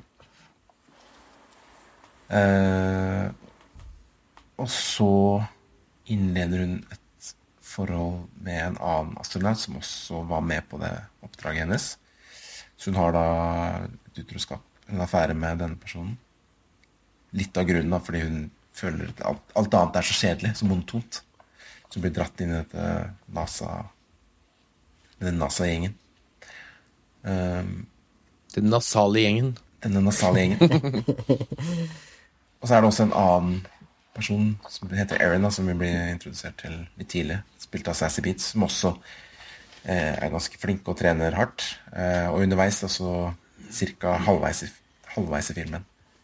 For det er det jeg syns at den brukte litt lang tid Den er litt lang, da. Den er to timer lang. liksom? Mm. Ja, den er liksom litt sånn Det er litt sånn meditasjons-ish. Lang og Det er derfor kanskje folk ikke liker For det tar litt mye tid før ting skjer, og kanskje folk hadde et annet uh, Så for seg en annen film da, enn denne mer sånne inn, uh, psykologiske karakterstudiet enn en mer science fiction-film. da. Uh, men det som skjer halvveis, er at hun finner ut at han hun hadde affære med, som hun fortsatt liker godt. da. Eh, har også en affære med Erin, som er den andre, da, som nå blir en konkurrent. Og så hacker hun mailen hans og finner ut at han Mark, som sitter John Ham, da, som har hatt affære med, har sagt at uh, han vet ikke helt om Lucy er egna til å være med på et mission, så han vil heller ha med seg Erin. da. Så hun tror det her er uh, personlig, personlig angrep, da, fordi hun liker Erin bedre.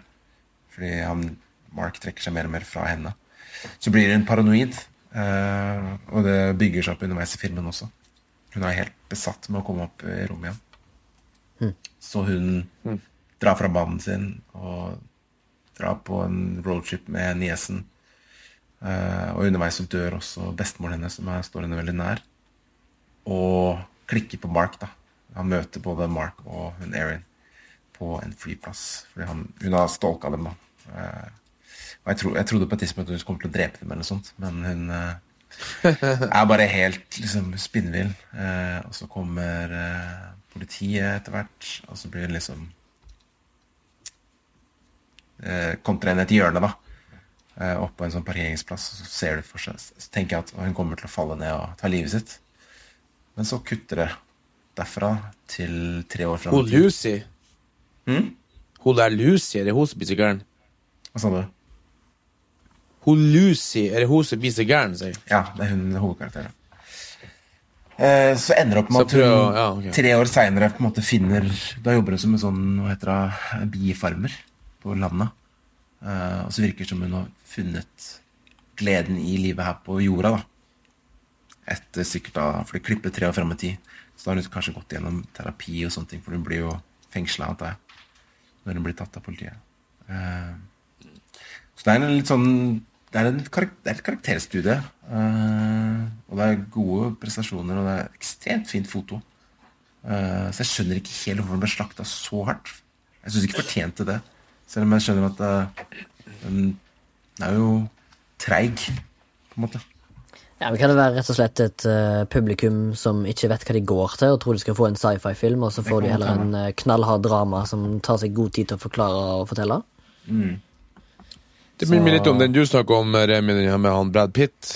Ja. Det var Ja, også er- er det ikke egentlig Ja. science fiction, uh, men Ja, det er mer en, en dad needs dad. Nei, boy needs dad. Så Ja, for som vi har den, snakket om eh, før, Baba, så er jo science fiction er jo ikke nødvendigvis uh, det å være i verdensrommet, for det er jo ikke science fiction lenger. Vi har jo vært i verdensrommet og er på tur litt på nytt, så eh, ja. når de, de skriver sci-fi på en sånn film, så kanskje det ikke er helt Altså, det de får jo feil Nei, faktisk. publikum, da. Jeg ville jo ikke kalt det her en science fiction, egentlig. For det, det handler ikke om det. Så det er litt morsomt at uh, de sleng, slenger liksom den veldig lett på da, med en gang man er ute i verdensrommet. Eller, eh, men uh, folk flest forbinder kanskje sci-fi med Transformers ja. Eller Star Wars. eller Star Wars. Så den er, Men det er verdt å se, egentlig. Sånn, Og det var litt deilig å komme helt blindt inn til en film. Det har jeg lyst til å snakke om en annen gang. Har Ja, du, fordi- følte du solgte den litt inn eh, på sånn Remi-nivå nå, altså. Jeg har litt lyst til å se den sjøl, jeg liker filmer Fordi- som blir underdogs. Jeg er sikker på at jeg aldri hadde sett filmen her hvis jeg hadde sett på Rotten og inn det først. Ja, nettopp. Eh, hadde Ja, Men det i seg sjøl er jo interessant, da. Ja. Nå fikk, nå fikk jeg nesten lyst til å se han bare fordi at han har så lav INDB, og du, eller Rotten, og du ser liksom at han er grei, liksom. Ja, Men jeg er jo jævlig fan av Noah Hawley, da, så hvor gale kan det bli, liksom? Fordi han hadde ikke regissert noe annet, bortsett fra litt i disse episodene hans. Eh, eller jeg si, i serien hans, da. Legion Mm. og Fargo. Så Fargo er jeg stor fan av.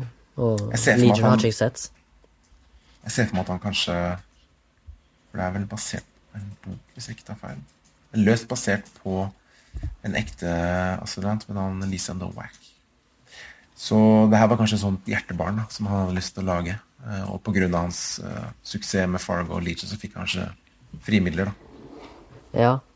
ja, det er jo veldig bra, det, da. Han fikk i hvert fall eh, Altså, hva var det jeg skulle si? Altså, Ingmar Bergman uh, har jeg hørt uh, lagde masse skvip før han ble kjent, liksom.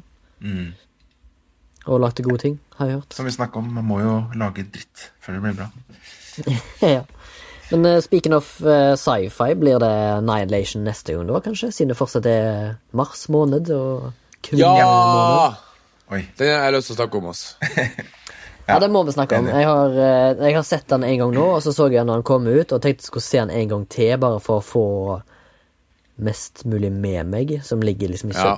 Men det hadde vært gøy å snakke om den. Absolutt. Jeg har sett den én gang, og jeg gleder meg til å se den igjen. Fordi det er så mye der. Og nå som du er permittert, så har du vel eh, hele dagen til å fordøye filmer og serier? Eller? Har det. Jeg, Men det blir jo andre ting òg, vet du.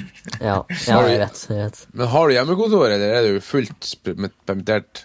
Eh, fra og med fredag. Ok. Jeg har faktisk hatt sånn derre Ikke Skype, men et annet program. da Som har hatt samtaler. Ja, Så har jeg møte i morgen også. Så det er jo litt artig, da. Men det, det blir jo Er det Teams? Har dere brukt Teams? Nei, Det er noe som heter We Hva heter det for noe? Samme det. Det er ikke interessant. Jeg satt og googla litt her nå bare mens dere snakka. Litt sånn gøy, for at nå er Witcher sesong to utsatt pga. at han Kristoffer Hyvju fikk koronavirus på innspillinga. Skal han være Ja. Han felt Hæ? Skal han være med på den? Ja han, han er med i den, Det står at eh, Nå melder Deadline at innspillingen av sesong to er utsatt i minst to uker fordi den norske skuespilleren Kristoffer Huvje er bekreftet smittet kontorvirus. Mm. Eh, koronavirus. Kontorvirus! Kontorav... Hjemmekontorvirus. Hjemme, hjemmekontorvirus. Humor! Oh. Nice. Ja, ja, men uh, Ja, ja. det er jo fint, det. Det Flott, det. Er flott. Flott, det. Jo. Ja. Ja, men uh, takk, Men, det er jo en artig test når alle sammen satt på hvert sitt gutterom. Ja, Spennende å se hvordan sitter- eh, Jeg resultatet håper, jeg håper lyden ikke blir altfor ræva, men eh, det får dere bare leve med. Show must go on, som vi sier. Ja. Vi får se hva vår magiker Sondre kan utrette. Ja. Dette er jo en podkast produsert av Soundtank. Og vi er å finne på Instagram og Facebook og på mail. Eh, det er bare å sende oss en melding. Vi håper at dere tar kontakt. Vi liker å diskutere, så gjerne bli med på den diskusjonen. Så har vi også å finne Eller på hvis du vil høre at vi diskuterer. Eller det. Også finne på Vips hvor vi tar imot frivillige frivillig bidrag for å holde serverne i gang. Ennå ikke mottatt ett bidrag, så vi håper det kanskje kommer et snart. Hadde vært gøy. Eh, Foreløpig så er det ut, kun ut av egen lomme, Ja, ja. kan jeg nesten si. Vi holder, vi holder det gående. vi. Ja, det, Ja, ja, ja. så jeg må sitte på en spinningsykkel for å holde serveren i gang, så gjør jeg det. ja, ja, Og så er det bare å gi oss Som i Black Mirror, liksom? Ja. Ja, det er egentlig det er en sånn deilig situasjon. Jeg skulle ha faen meg spinna opp eh, bonus til meg sjøl. Ja. Eh, les, les shownotes for å finne linker til ting, gjerne, hvis du hører på. Og eh, som sagt, gå gjerne tilbake til Castaway and the Moon for å se den, og hør, hør på vår diskusjon der, der vi Ja. går live gjennom filmen. Det, der kan du gå i shownotes og finne en liten gavepakke. si. Alle episodene ligger jo ute, så hvis dere har sett noe i ettertid, så bare hopp tilbake og høre på for å høre Ja. diskusjoner rundt filmen eller serien. Og gi oss en tommel opp på, på podcast, så blir det lettere å finne for uh, Google uh, Øvrigheter. Ja, men det var gøy. Ha det! Da ses vi snart. Ok.